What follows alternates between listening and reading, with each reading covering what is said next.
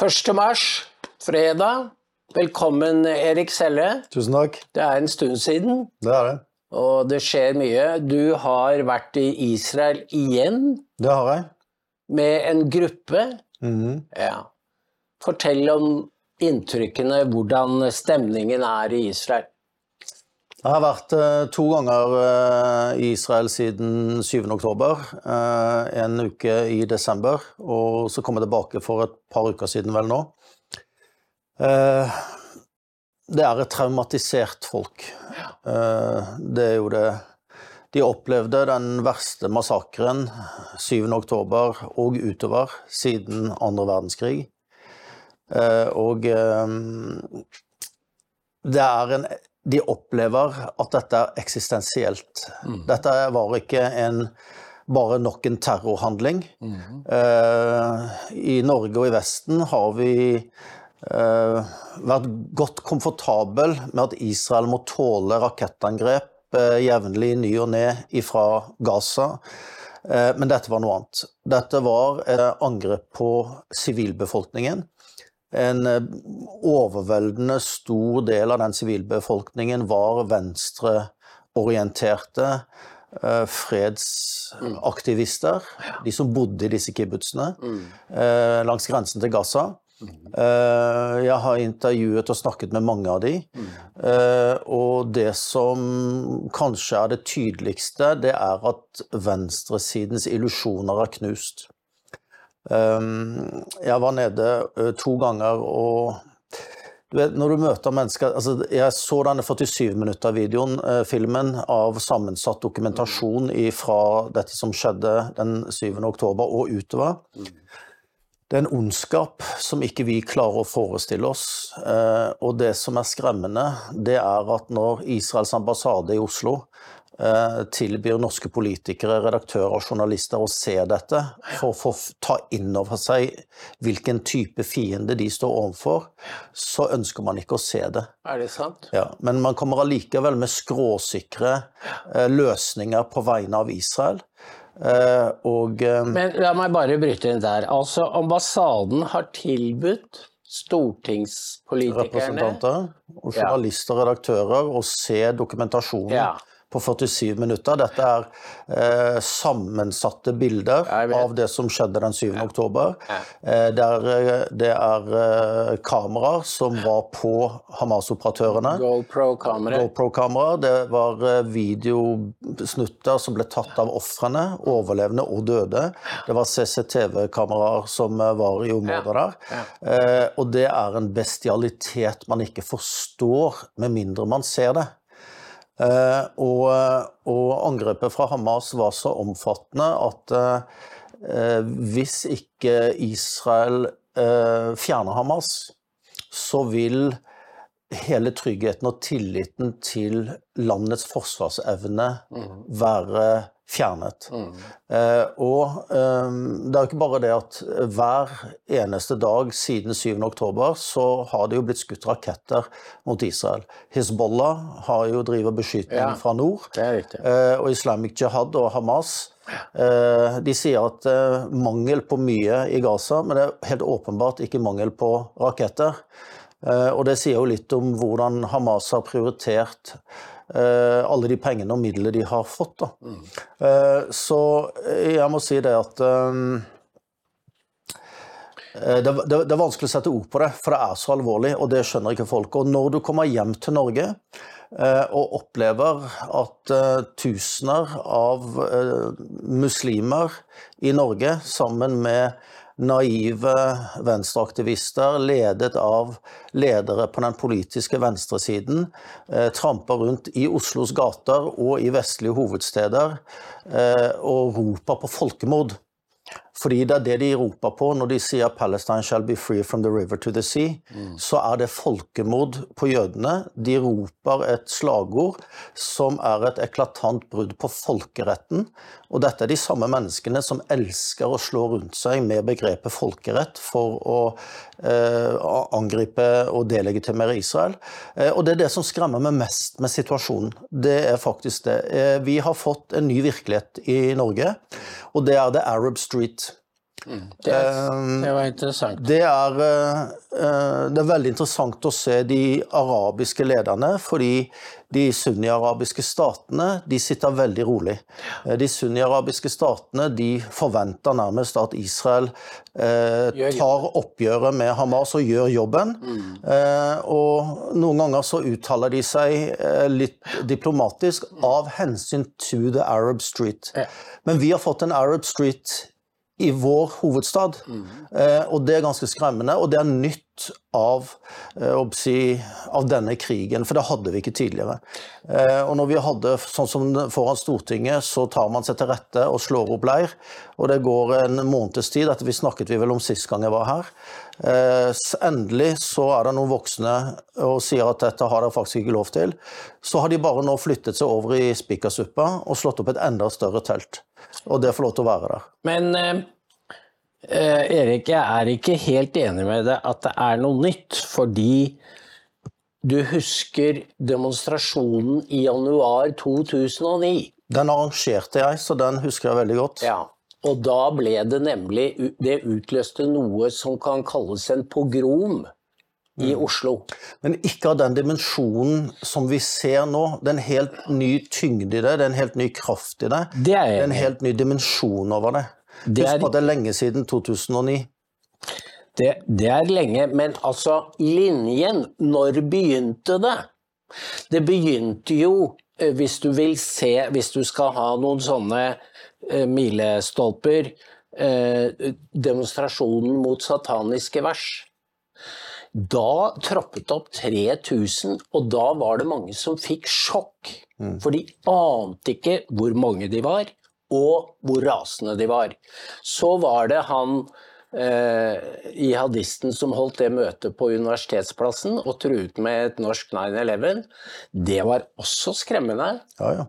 Eh, så det har vært stasjoner og varsler underveis. Det er klart. Altså Salman Rushdie, William Nygaard, Ja. Alan Hirsi Altså det har vært mange, det. Det har vært- mange type, sånne type varsler. Det har det. Men, men uh, under denne krigen og i høst så har de på en måte tatt kontroll på markeringene. Eh, og det er jo flere aktører som har hatt eh, Når MIF hadde en, pro, en, en solidaritetsarrangement for, eh, for Israel, så var det en eh, lokal muslim ansatt som eh, klagde på at de skulle ha det. Så ble det en diskusjon. Og du ser jo alle Hvor pro-Israel var det hen, da?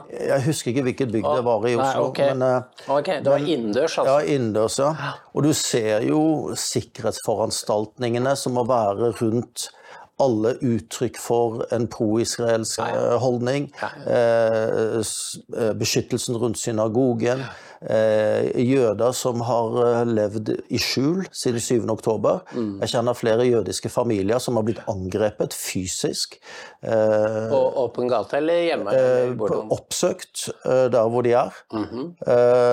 Så, så det er en dramatisk utvikling i det vi har kalt vårt demokrati. Da. Det, det kan man godt trygt, trygt si, og det blir ikke tatt på alvor av ikke av mediene og ikke av politikerne.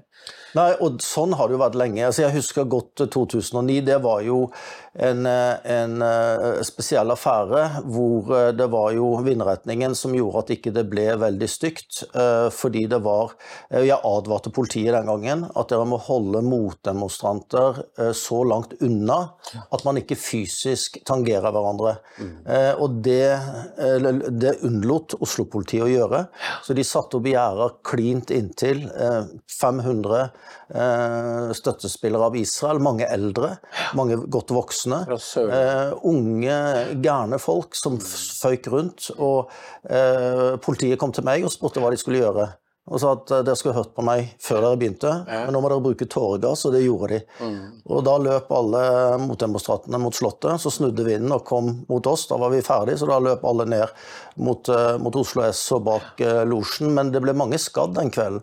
Eh, jeg har en ganske kjent lokalpolitiker som eh, sa til meg etterpå at uh, Han støtta saken, men han fikk et slag i hodet som gjorde at han hadde uh, skada lenge etterpå. Mm. Uh, en, en, god venn av meg som fikk eh, armen brekt på flere steder av en gjeng nede, nederst på Karl Johan. Mm. Eh, og, og, dette vil ikke mediene snakke om, dette vil ikke politikerne adressere. Nei. Og det er jo, da er jo ytringsfriheten vår ødelagt. Mm. Altså når en, når en gruppe i samfunnet som står for A, Mm. Møter vold og trusler og fare for liv og helse ved å uttrykke seg. Mm. Og de som står for B, de roamer rundt i gatene uten noen begrensninger. Mm. Så er ytringsfriheten allerede borte i vårt land. Mm. Resten er jo bare snakk om tidstid.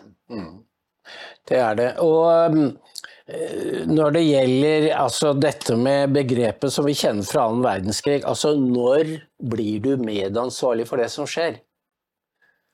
Ja, og det er et veldig godt spørsmål. Og det begrepet som har gått igjen siden 7.10, 'never again is now'. Ja. Altså, Jødene har jo sagt i alle år etter eh, Auschwitz 'never again'. Det skal aldri skje igjen. Hele verden har sagt det. Og hele verden har sagt det, men, men nå er det alvor for jødene i Israel. Ja. Eh, og 'never again is now'. Og det sier jeg til Norge har jo blitt et land hvor mennesker nå uttrykker seg med stor forsiktighet. Mm. Eh, I det offentlige på jobb, på skoler, studenter som ikke kritisk tenkning. Det er jo borte fra universitetene våre. Eh, det er dogmatikk som doseres og, og kalles vitenskapelig forskning. Det er det ikke. Eh, men når du lever i et samfunn hvor det er rett og slett eh, direkte eller indirekte represalier ved å uttale seg, da er demokratiet dødt. Mm. Og resten er snakk om tid. Og det viktigste man gjør nå, det er for alle velgere å stemme på konservative partier som faktisk vil redde ytringsfriheten.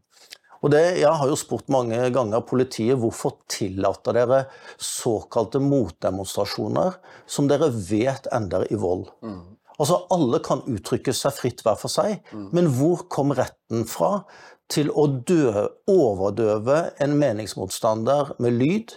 Eller true med vold. Eh, så folk ikke tør å gå. Jeg husker jo dette tilbake til da partnerskapsloven eh, ble vedtatt. Da var det ganske mange store fredelige markeringer i Oslo mot partnerskapsloven den gangen. Og de ble også eksponert for vold fra Blitz-miljøet mm. eh, og, og, den type der. Og da spurte jeg også politiet. Altså der var det jo, Jeg husker nede på eh, jernban, på Jernbanetorget foran Oslo Østbanen den gangen så var det jo det var kanskje 500-600 mennesker. Det var en helt fredfull markering. Og så kom eh, blitzer og en hel gjeng stormen inn i gjengen. Det være en barnevogn som ble sparket over ende. Heldigvis så hadde mor babyen i armene. Mm. Men, og, og, far fikk et ballespark som, som kan sette ut noen og enhver. Og jeg gikk til politiet og spurte hvorfor stoppa dere ikke dette her. Mm. Uh, og da sa han at det skulle vi gjerne gjøre, men de fikk ikke lov fra høyere hold. Det var sitat det politimannen sa den gangen. Og det er klart, da har man, da har man begynt å tillate mm. uh, egentlig vold i ytringsfrihetsrommet. Og det er en trussel mot demokratiet, og det tror jeg er det viktigste man nå tar i tur med. Og det er å ikke tillate motdemonstrasjoner. Men man kan ha gjerne parallelle på to hver sin side i byen. Mm. Men man må få lov til å uttrykke seg uten fare for liv og helse i dette landet. Men da har det altså skjedd en 180 graders dreining. Fordi jeg husker jo da venstresiden, altså eh, AKP og Blitz og jeg vil jo si dagens Antifa er det, da. At de demonstrerte sammen og ble utsatt for i gåseøyne politivold. Altså Da gikk det ganske hardt for seg no, ved noen demonstrasjoner. Mm. Da var de på en måte underdog. Mm. ikke sant? Politiet hadde ingen sympati med Blitz den gangen, og var ganske hardhendte med dem. Ja, men de eh, fortjente det. Ja, men det er ikke, Fordi, det, det, er ikke det jeg sier. Nei men, nei, men, når du selv bruker vold, ja. da er det klart at politiet må bruke ganske kraftige ja, tiltak for å stoppe det, deg fra vold. Men i dag får de lov å bruke vold uten motstand fra politiet. Og når var det det snudde? Du sier det selv, det kom ordre ovenfra, ikke rør dem. Når ble Blitz stuerent i Norge.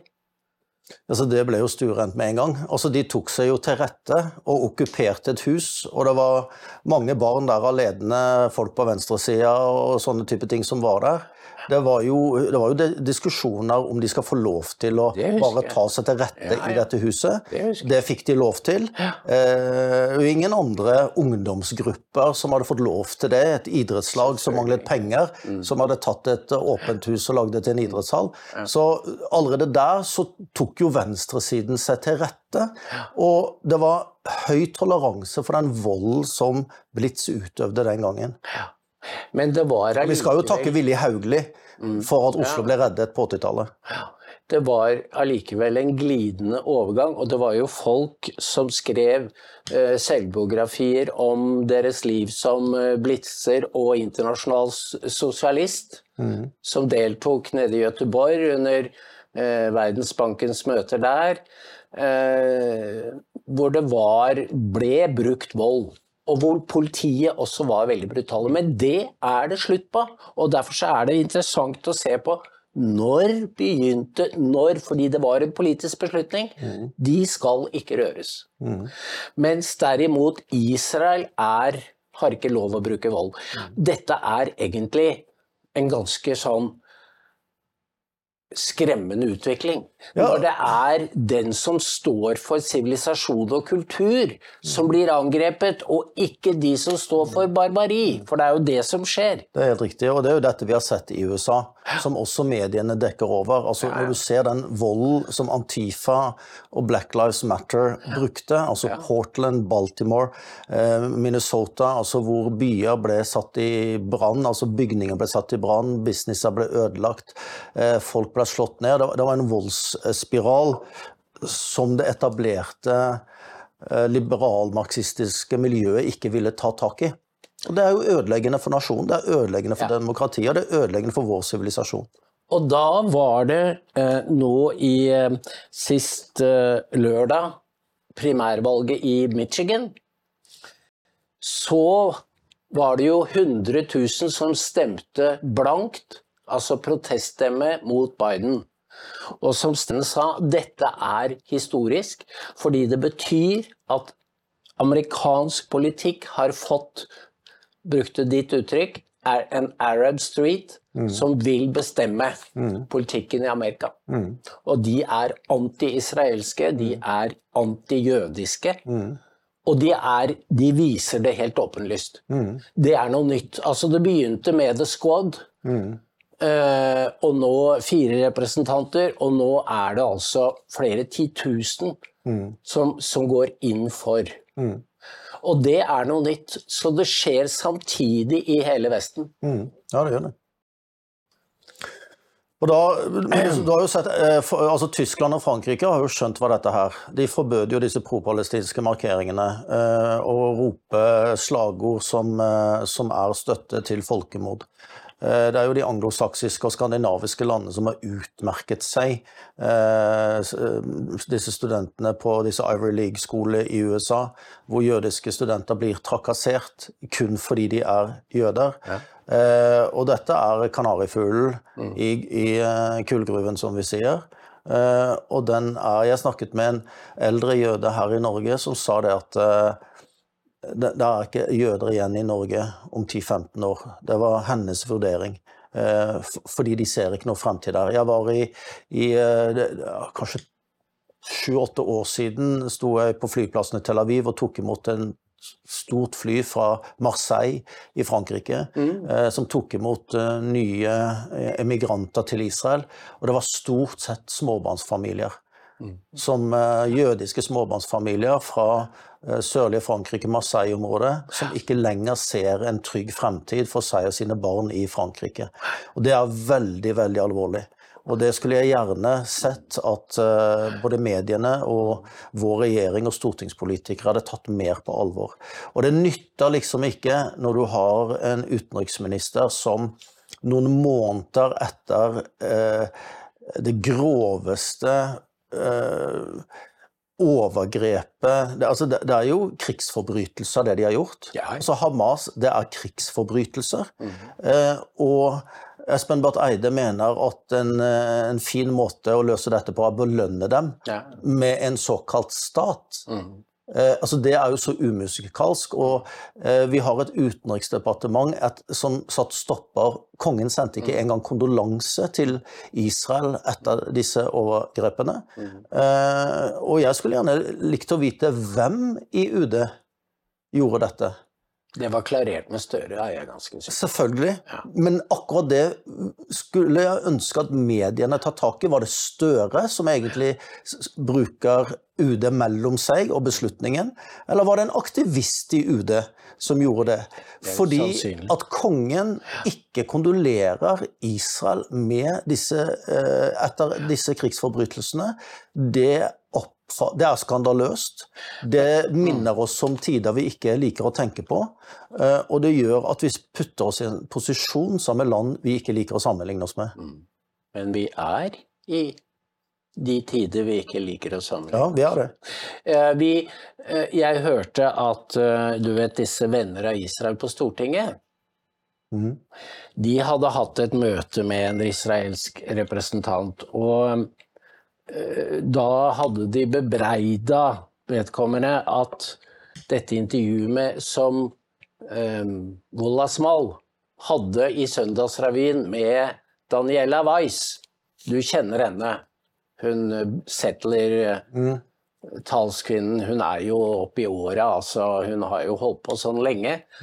Eh, og Israel har så mye motsetninger at det er lov å blåse litt ut.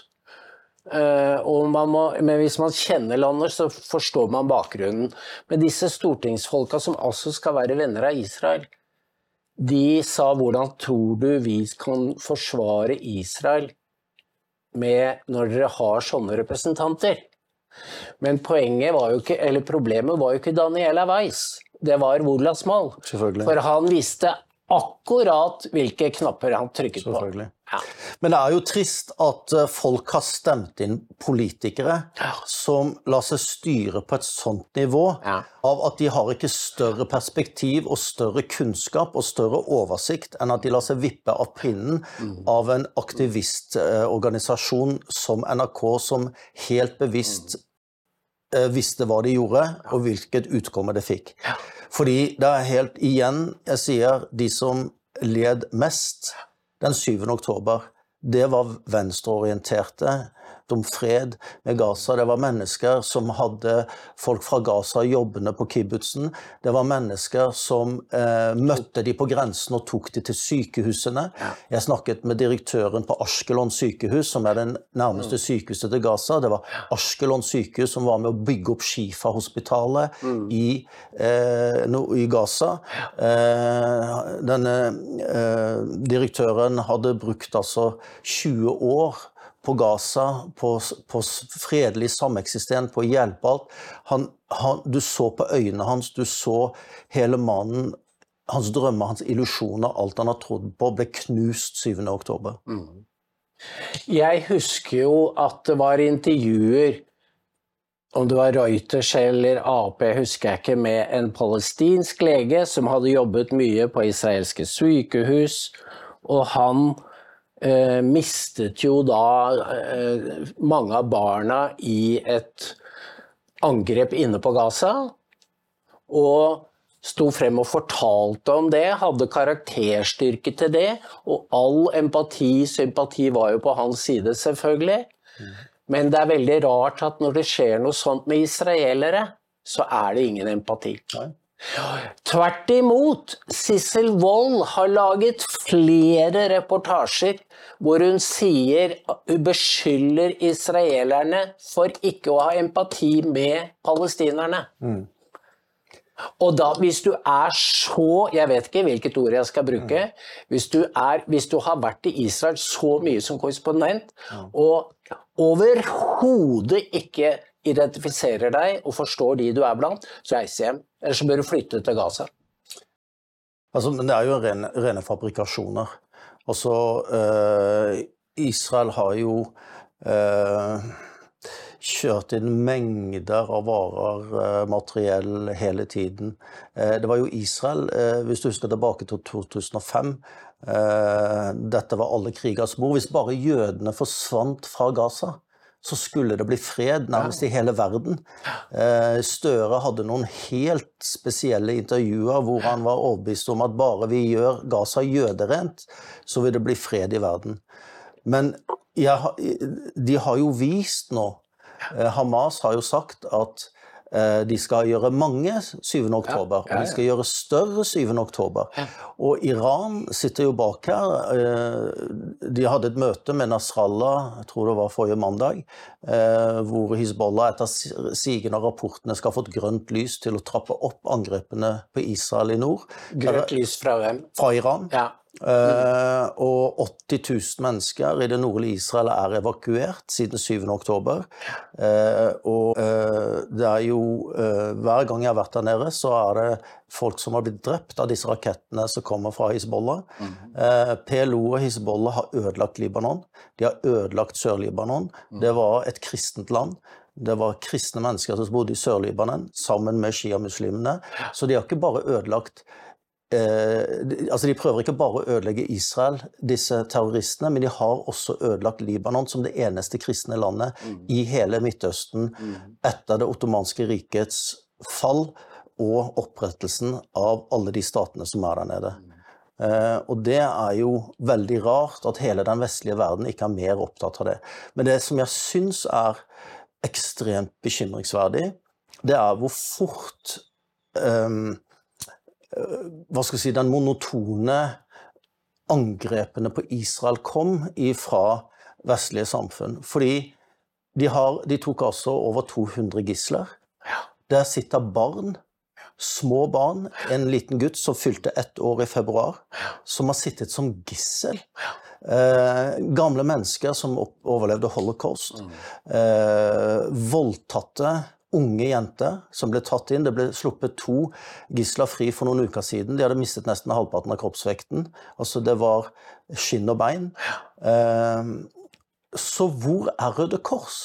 Røde Kors de besøker palestinske straffede kriminelle i israelske fengsler. Men de har også vært helt fraværende i krav om å få besøke disse gislene. Eh, hvor er FNs fordømmelse av Hamas? Hvorfor, krever, hvorfor er det ikke etablert en krigsforbryterdomstol etter 7.10 mot Hamas? Hvor er det internasjonale presset på at de skal sette gisler fri? Eh, hvor er det internasjonale presset på at Hamas må utlevere de som planla og utførte disse krigsforbrytelsene? Hvor er det internasjonale presset mot Iran? Dette er jo, Jeg har snakket med, ja, eh, med uh, veldig god kontakt med kurdere, kurdiske ledere, som sier at uh, det de er bekymret over, det er Irans aggresjon i dette her. Hamas angrep Israel. Så kommer Hizbollah og skyter på Israel. Så har du houthiene som angriper skipstrafikken. Så har du revolusjonsgarden som skyter på amerikanske mål i Irak og Syria. Og så har du, fordundre meg, iranske revolusjonsgarden som skyter på direkte bestemte kurdiske mål i den kurdiske selvstyremyndighet. Mm. Hvor er det internasjonale samfunns fokus på det store bildet her? Og hvorfor Hvorfor har ikke det internasjonale samfunnet lagt press på Iran til å stoppe disse proxyene sine? Hvorfor det? Iran jo, har jo gjentatte ganger brutt FN-pakten ved å uttale tydelig at deres mål er, og de skal, utslette staten Israel. Ja, De mener det. Og det mener de. Ja. Men eh, nå skal jeg hoppe litt, fordi eh, jeg tenkte i dag at eh, det er Jeg er opptatt av linjene. Akkurat som med islamiseringen av Norge, så ser du en ubrutt linje. Det går litt sånn i rykk og napp, men plutselig så ser du at nå, du gjør et kvantesprang. Og det skjedde nå med 7.10, hvor Norge havner på feil side. Men hva er det som har forberedt denne, denne utviklingen? Hvis du ser på utenrikskorrespondentene til NRK, gjennom mange år. Mm. Da kan du gå helt tilbake til 60-tallet. Eh, de var jo på venstresiden alle sammen.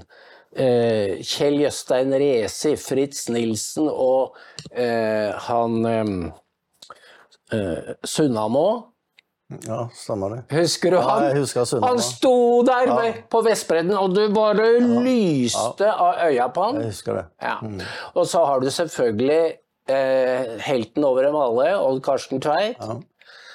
Eh, og disse er støpt inn i det offisielle narrativet. Altså, det er ikke noe forskjell på disse og, Frit, nei, og um, Mats Gilbert. Eh, fordi de er del av samme familie. Og ikke å forglemme Jan Egeland. Altså, det er en eh, det er blitt en hensynsløshet nå som de viser tydeligere og tydeligere. Og det er en kontinuitet. Og som legger et press på Espen Barth Eide. Eh, fordi det er som en strøm. Han har en vind i ryggen. Og han klarer ikke å stå imot den. Ja, men jeg tror ikke han vil det heller. Nei, det er en annen sak. Eh, Men men jeg har bare lyst til å skyte inn at eh, det, det Vesten må forstå, som gjør at det er ikke entydig i den islamske verden, husk på det. De sunni-arabiske landene de støtter Israel her. Eh, Og Hamas er IS. Det var Ja, ja. IS-flagg som Hamas hadde med inn. Og det er veldig viktig for den europeiske og amerikanske befolkningen å skjønne at vi har akkurat vært gjennom, støttet og deltatt i en krig mot IS. Vi har sett grusomhetene, vi har sett bildene, vi har sett hva de har gjort. Eh, Den enorme eh, strukturelle seksualiseringen av overgrep mot jasidiene, nedbrenningen av kristne eh, byer, landsbyer i Nord-Irak. Eh, så vi har allerede kjempet mot Hamas en gang, i form av IS. Nå er det det samme igjen, men nå skal vi ikke la jødene gjøre det. Men hvilken del av Norge, Erik, har, har gjort det? Fordi eh, Bolle gjorde det, og han er ikke mer. Men altså Valbrok ledet en underskriftskampanje sammen med en hel haug andre statsråder, eksstatsråder, Bjørn Tore Godal, Kirsti Kolle Grøndal og Magnhild, eh, Magnhild Kleppa, mener jeg også, som ba om at IS-familiene måtte få komme hjem. Så det, altså, det er, dette er en psykologisk prosess hvor du rett og slett underkaster deg frivillig de som vil ødelegge deg. Kan du forklare meg, fordi jeg mener dette er eh, historisk, altså dette er en veldig farlig prosess. Du går til krig men mot noen som er altså barbarer, i religionens navn. I religionens navn!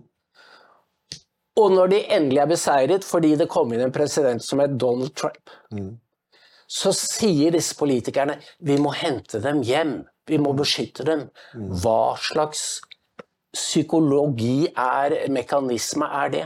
Den er, den er nifs.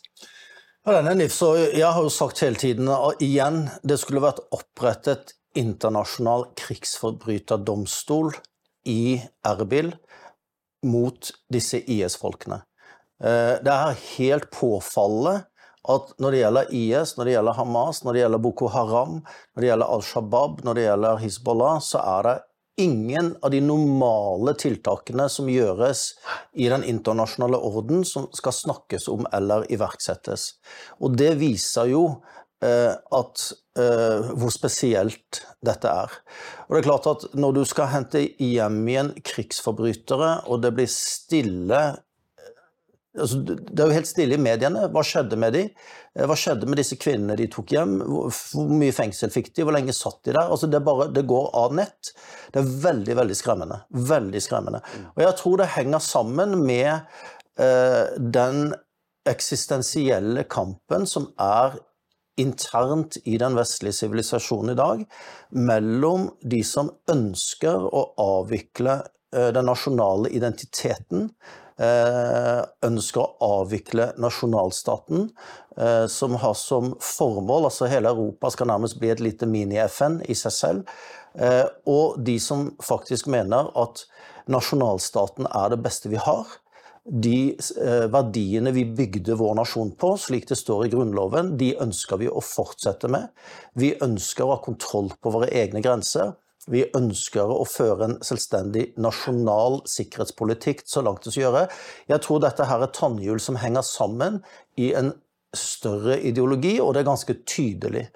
Eh, og Derfor så blir de neste valgene i Norge eh, Det blir et spørsmål om fremtiden. Men du vet at det er uh, mye mørkere enn som så. Fordi det er ikke FN de vil lage i Norge eller i Europa. Det er, det er et Det er jo nesten som å lese 'Ringenes herre', vet du. Det er jo det.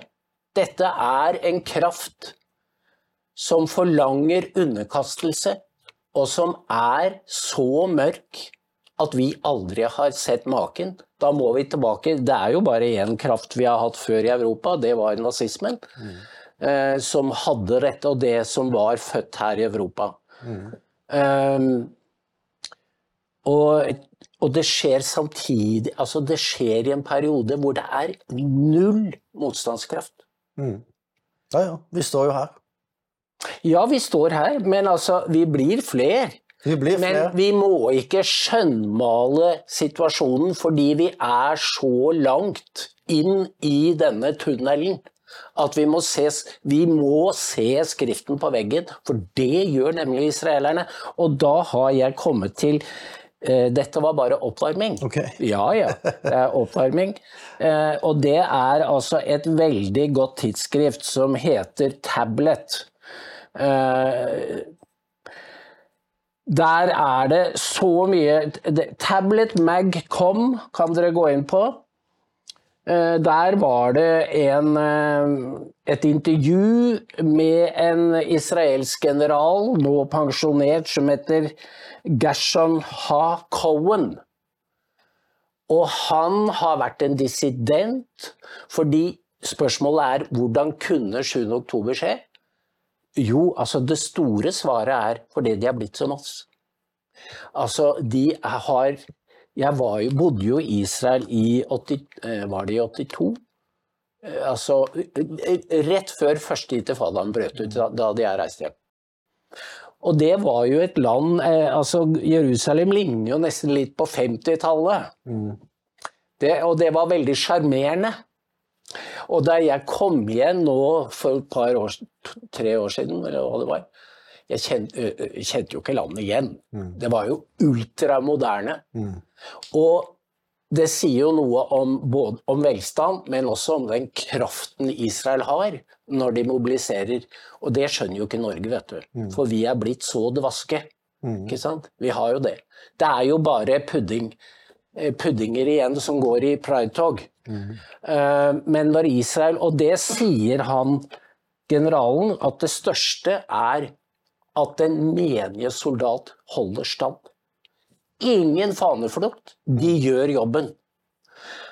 Eh, ikke bare det, men reservister strømmer jo til landet. Ja. Det Flyene var jo fulle fra USA og hele verden. De vil hjem og forsvare landet sitt. Ja. Men det er jo fordi at de vet hva alternativet er alt, hvis ikke de reiser hjem og forsvarer landet og vinner den eh, striden, så er 7. oktober mm. det som venter hele nasjonen. En prolog. Ja. Det er en prolog. Eh, men det han beskriver, er jo at han hadde De fikk eh, israelske offiserene som skulle stige videre, de fikk valget. De ble jo da tilbud om utdannelse i USA. Og da kunne de velge å bli sånn feltgeneraler, eller ta et sånt økonomisk kurs mm. Med, som, som, kvalifiserte de til jobber i næringslivet etter mm. militære karrieren var over. Mm. Og de fleste valgte jo det siste, ikke mm. sant? Fordi det å være soldat i dag er ikke så veldig attraktivt. Fordi det krever en helt egen kvalitet. Eh, det er lenge siden Ariel Sharon og Moshe Dayan. Men han er en sånn som har Og han får så godt frem at 7. oktober var en, en lærepenge som israelerne aldri glemmer. Mm. Fordi han sier, sier her at hvis ikke det faktum at Tel Aviv fremdeles er full av liv, skyldes at vi kontrollerer Judea og Samaria. Tror du Espen Barth Eide forstår det? Nei. Og det skremmende er at jeg kanskje tror at han forstår det. Det er noe rart med denne antisemittismen. Og det er noe rart med denne antisionismen og antiisraelismen. For Skriften sier noe om å være blind. Og det, det er det du nesten kan tro. At du, du, du føler at de står Du kan vise de to pluss to er fire. Og de står og ser det, men, men det er ingen kontakt. De, de, skjønner ikke konsekvensene av det. At det, det er en forblindelse. Da. Og, og, det er det du lurer på, for det er jo intelligente mennesker på mange måter. Eh, men eh, jeg pleier å sammenligne litt med Sovjetunionen. Altså I Sovjetunionen så var det en statsbærende ideologi som het kommunisme. Du fikk bare lov til å tenke innenfor boksen av planøkonomi. Eh, russerne er veldig smarte mennesker. De er gode i sjakk, eh, gode på mange ting. Allikevel så produserte de sosialøkonomer i hele kommunismens historie som aldri kom på at planøkonomi er dårlig samfunnsøkonomi. Mm. Og sånn tror jeg det er at det, er veldig få mennesker som, som tør å tenke selvstendig og er villig til å betale prisen for å bryte ut av boksen når du først har fått en karriere. Og jeg tror at uh, det norske politiske miljøet altså de har så stor prestisje personlig, disse politikerne, i de prosjektene de har gått inn i. Selv om det skriker mot dem at det er idioti, at det er galt, at det går feil vei, så er det akkurat det som med vindkraften til Støre, så er det også med Oslo-avtalen til uh, den generasjonen politikere. Mm. Men det vi kan konstatere da, er at denne drømmen til Barth Eide om å blåse liv i tostatsløsningen, er det rene sprøyt. Det er sprøyt. Kommer aldri til å skje. Nei, og det kan ikke skje. Nei, men altså, Israel vil ikke tillate det. Ganske enkelt. Det, det, det, er jo ingen strategisk dybde i Israel. Mm. Og nå har man jo sett Man gjorde Gaza jøderent. Ja, ja. Vi har erfart dette og, på eh, dette nivået. Altså Det man trenger, er å fjerne Hamas og fjerne ekstremistene og avekstremifisere eh, en, en, hel gruppe, stor gruppe mennesker. Han eh, Ha Cohen vi kan vel se bildet av han, eh, Lars? For han er ganske, en ganske flott type. Eh, det var han som tømte Gaza for israelske settlere i 2005. Mm. Og det var jo 3000 av dem der. Ja. Og hvordan gjorde han det? For han gjorde det på halve tiden. Han skulle brukt en måned, han gjorde det på to uker. Han sa til dem hvis dere drar frivillig, så kan dere beholde Judea og Samaria. Han skjønte det. Mm. Og det stemmer. Mm. Israel kommer aldri til å gi fra seg Vestbredden. De, de, kan jo ikke det. Nei, de Også, kan ikke. Altså, Espen Barth Eide kom til å skjønne det den dagen eh, han skal lande i Tel Aviv på Ben Gurion, og han skjønner at rett der nede sitter det terrorister som ikke liker Lufthansa-flyet hans, og tar det ut med en enkel rakett. Da kanskje skjønner han det. Men den Vi har ikke tid eh, til å la Espen Barth Eide få den tiden han trenger på å skjønne det. Så noen andre må ta over. Han kommer til å si at det, nå ser dere det vi har sagt hele tiden Israel lyttet ikke til oss. Det kommer til å si. Og det er jo enda godt de ikke gjorde. Mm. Men det, det israelere og Douglas Murray har sagt og vært flinke til å få frem, er at vi lever i tidsalderen. Klok altså vår dato stoppet 6. oktober. Israelerne lever post 7. oktober. Mm. Og vesteuropeere nekter eller i hvert fall eliten, å forholde seg til den virkeligheten Israel lever i.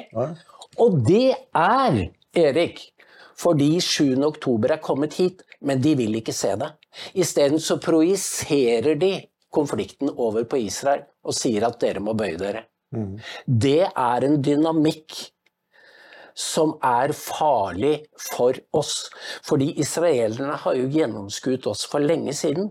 Altså Når det kommer en blond nordmann vet du, og forteller israelerne hvordan de skal løse striden med politi, eh, palestinerne, eh, så vet du at de bare rister på huet. Ja, ja.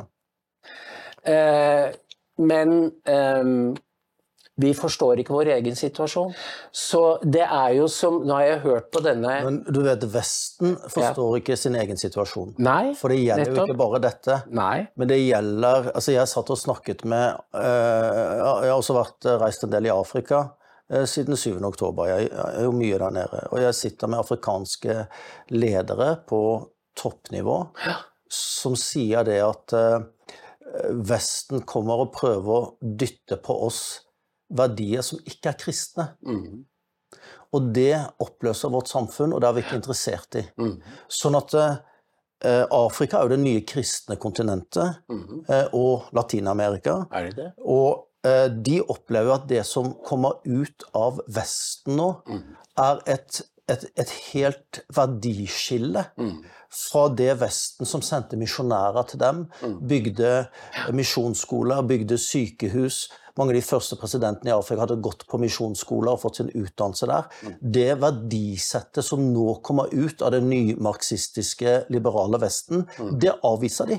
Sånn at Vesten, hvis, hvis, ikke vi får, hvis ikke vi får inn konservativt lederskap i hele Europa som kan ta tilbake de verdiene som fødte vår sivilisasjon, så vil jo den bli borte. En renessanse. Vi trenger en konservativ renessanse. Det er det vi gjør. En vekkelse. En vekkelse. Ja. Fordi det som kommer ut fra Vesten, er hedenskap. Visste du det? Det er noe så forferdelig, og de ser det. Og de vil ikke ha det. For det ødelegger bar barna og ungdommene deres. Men altså, dette Vi driver fremdeles med narsissisme, altså og ser oss selv Ser i speilet. Hvem er vakrest i verden her? Jo, Espen Barth Eide og Gahr Støre. Altså, det er jo sånn mediene holder på. Mm.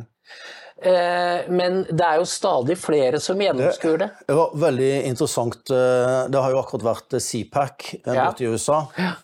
Og presidenten i El Salvador var der. Bukele. Og han er jo et eksempel på at konservative verdier kan snu et land i én presidentperiode. Han begynte som president i et land hvor mordraten var epidemisk. Hvor gjengene Clinton sendte alle El Salvador-gutta tilbake til El Salvador uten å fortelle myndighetene om hvilken kriminelle fortid de hadde. Så disse gjengene tok jo mer eller mindre over. Man skulle tro at El Salvador var tapt.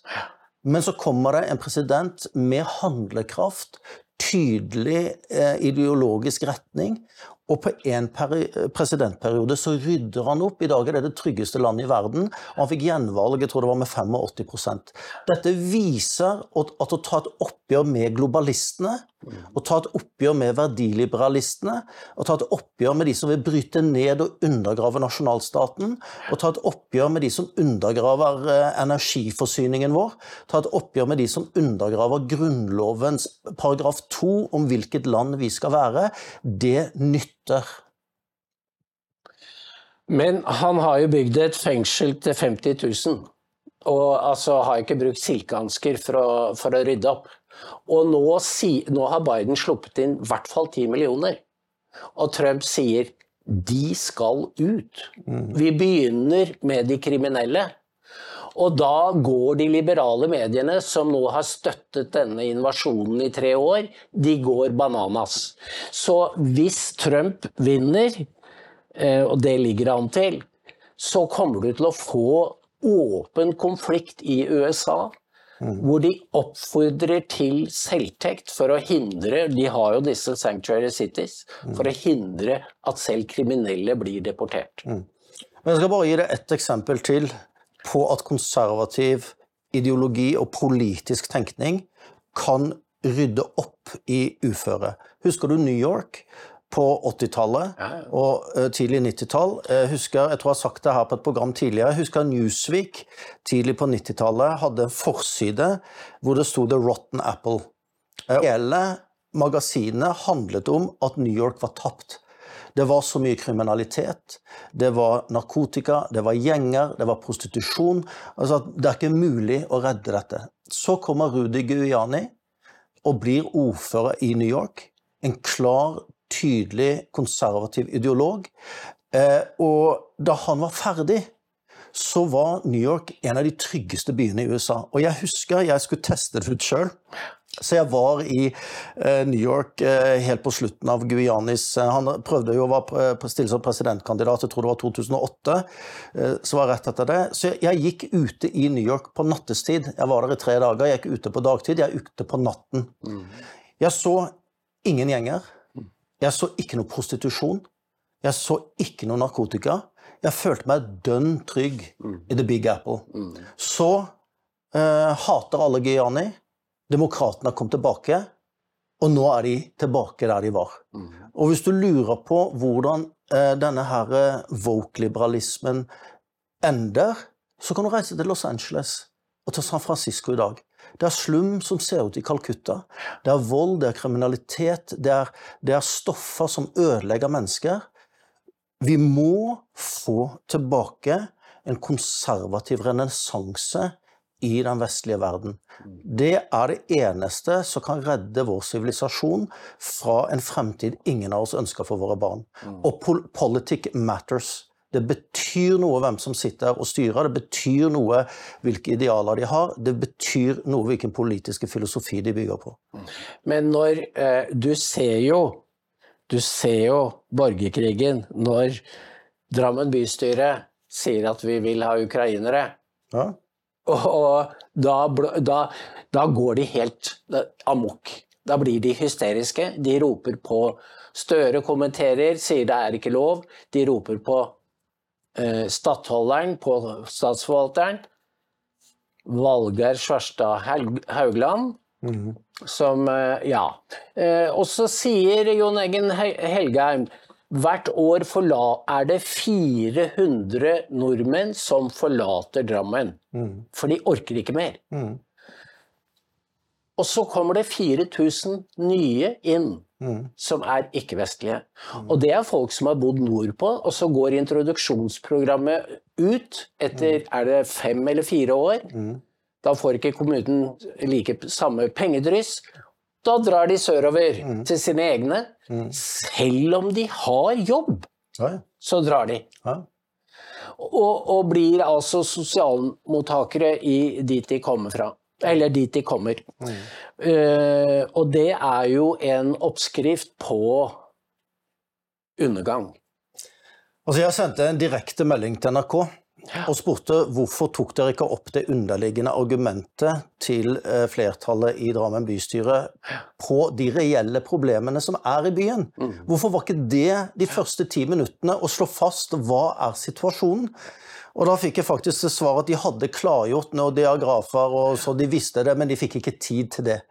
De fikk altså ikke tid til å legge det åpenbare, nødvendige diskusjonsgrunnlaget mm. som er det dette flertallet har fattet sin beslutning på.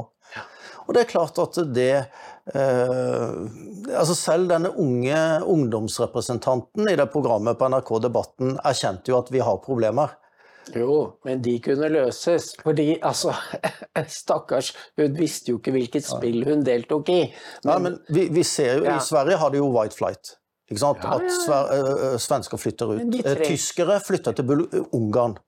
Tyskere kjøper leiligheter og sånn i Ungarn. Jeg så akkurat i Berlin en, en, Jeg husker ikke hvem det var, men på vei inn her. Altså Berlin er jo ikke til å kjenne igjen. Det er ikke en europeisk by lenger. Ikke sant? Takk til Andrea Merkel, og takk til Gro Harlem Brundtland, og takk til alle disse som i sin naivitet eller overlagte planlegging Eh, skulle lage et multikulturelt samfunn som er basert på en idé om at alle kulturer er kompatible. For det vi står for, det er at alle mennesker er like mye verdt. Alle mennesker er skapt i Guds bilde. Alle mennesker har sitt menneskeverd. Men det betyr ikke at alle kulturer er like verdifulle eller, nei, eller kompatible. Ingen av delene. Nei. nei. Og den erkjennelsen må jo før eller siden ramle. Og hvis ikke politikerne og mediene får det, så, så må velgerne få det. Ja.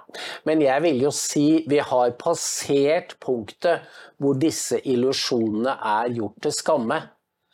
Sånn at hvis, hvis Fredrik eh, Solvang hadde fått lov til å lage de programmene han er i stand til, men jeg tror ikke han får lov, så ville vi fått en helt annen debatt, nemlig om de virkelige problemene. Og hva gjør vi nå? Da gjenstår det å se. Vi utfordrer Fredrik Solvang da, til å så, eh, ta Ja, ja. den helt ut. Ja. Jeg tror ikke han får lov, fordi det, altså, det er et regime der oppe som dikterer så langt, men ikke lenger. Du vet, Kent var jo på debatten om Grenland, og det, da begynte Rødt å protestere. Men du, siden vi er inne på det, fordi jeg fikk en veldig interessant e-post fra Danmark om folk, debatten i Folketinget om jødehat og antisemittisme. Hvem var det som stilte spørsmål til justisminister Peter Hummelgaard? Hva vil regjeringen gjøre for å beskytte danske jøder? Det var Rosa Lund, eh, Pelle Dragsted fra enhetslisten. Rødt. Danske Rødt.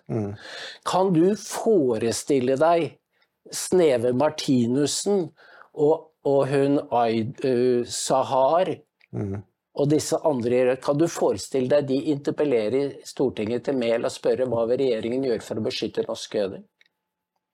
Ja, Det kunne de kanskje gjort, hvis du hadde isolert det til Nei, eh, det de. Dagens regjering har jo etablert et, eh, et tiltak for antisemittisme i Norge. Eh, Jeg er i ferd med å stille spørsmål til regjeringen hva er det konkret. Men det er dette som er så snedig. Fordi at de sier de er antisionister, men de er ikke antisemitter. Ja, men da har du allerede mistet det i gulvet. Det er jeg enig i. Det er jeg enig i. Ja. Så de, de roper på utslettelse av Israel. De roper på folkemord av jøder Mm. i Israel. De eh, står for en linje som er helt utenfor folkeretten, helt utenfor alle andre eh, all annen metodikk vi bruker for alle andre. Og så samtidig så gir de skinn av at de er opptatt av jøders ve og vel her i Norge. Men de støtter også disse kreftene som utfører vold mot jøder i Norge. Ja, ja. Det er en, en ver verbal øvelse Det er akkurat det. de bedriver. Det er akkurat det. Ja. Så den er null verdt i dagens situasjon. Ja. Um, men det er interessant, i Danmark har det nemlig bodd jøder i flere hundre år. Mens i Norge så kom de jo først etter pogromene i Russland på slutten av 1800-tallet. Så vi har, de har hatt en veldig kort historie i Norge. Og den går mot slutten, det tror jeg du har helt rett i. Hva skal de skrive i lærebøkene? Hva skal de skrive? Jødene var et folk, det er Guds utvalgte folk, som kom hit og bodde her i 150 år. Nå er det ingen igjen. Og da vil jeg tilbake til Never Again. For eh, kanskje mange der ute noen ganger har tenkt som meg, har tenkt på hva hadde jeg gjort hvis jeg bodde i Tyskland på 30-tallet? Hadde jeg blitt en Bonhoeffer, en Dietrich Bonhoeffer, som reiste seg mot nazismen? Eh, eller hadde jeg latt meg tie i hjel og blitt stilletiende en del av flyten? Og de som lurer på det, de kan se seg i speilet og si hva gjør jeg nå? Hva gjør jeg i denne situasjonen? Hva gjør jeg i denne situasjonen hvor jødene har et Hizbollah? Husk på at Hizbollah i 2006 så ble FN forhandlet en våpenhvile. Den våpenhvilen var på ett premiss, og det var at Hizbollah skulle avvæpnes. Nå, De har ti ganger så mange raketter som den gangen. De har helt andre avanserte raketter enn det Hamas har hatt. De har målstyrte presisjonsraketter som kan nå hele Israel. Eh, Iran, som jeg sa, har akkurat gitt Hizbollah grønt lys, ifølge kildene, på at de kan angripe Israel. Det jødiske folk, og ikke bare det jødiske folk, de kristne, araberne. Jeg har snakket med arabere på gata i Tel Aviv, i Jerusalem, taxisjåfører. Alle er i samme båt. De hakket i hjel fremmedarbeidere fra Thailand den 7. oktober. De, de tok beduiner, eh, muslimer De drepte jo til og med folk fra Gaza som var fremmedarbeidere der. Det var en blodlyst som var helt, helt ubeskrivelig.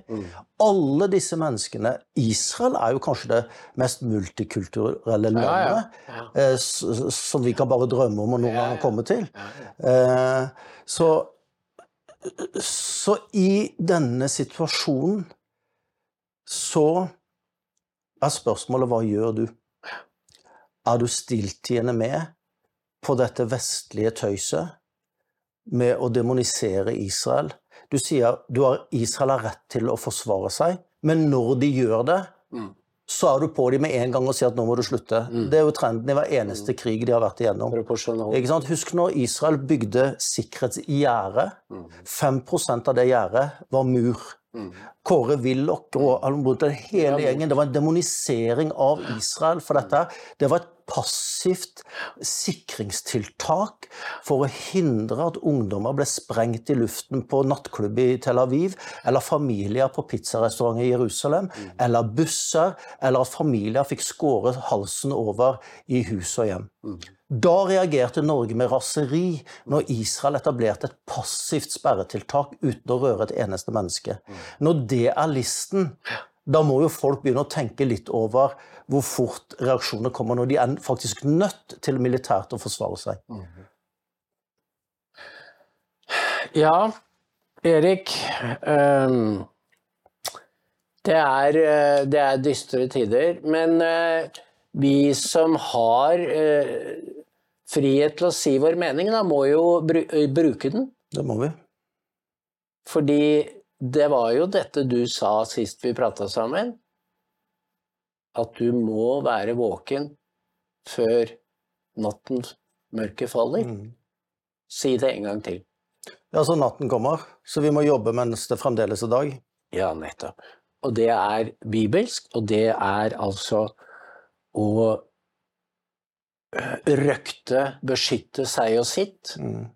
Og det vil jeg si at det vi har snakket om i dette Israel-hatet, det er irrasjonelt. Det er irrasjonelt. Ja. Det er irrasjonelt. Ja. Det er ulogisk og irrasjonelt. Mm.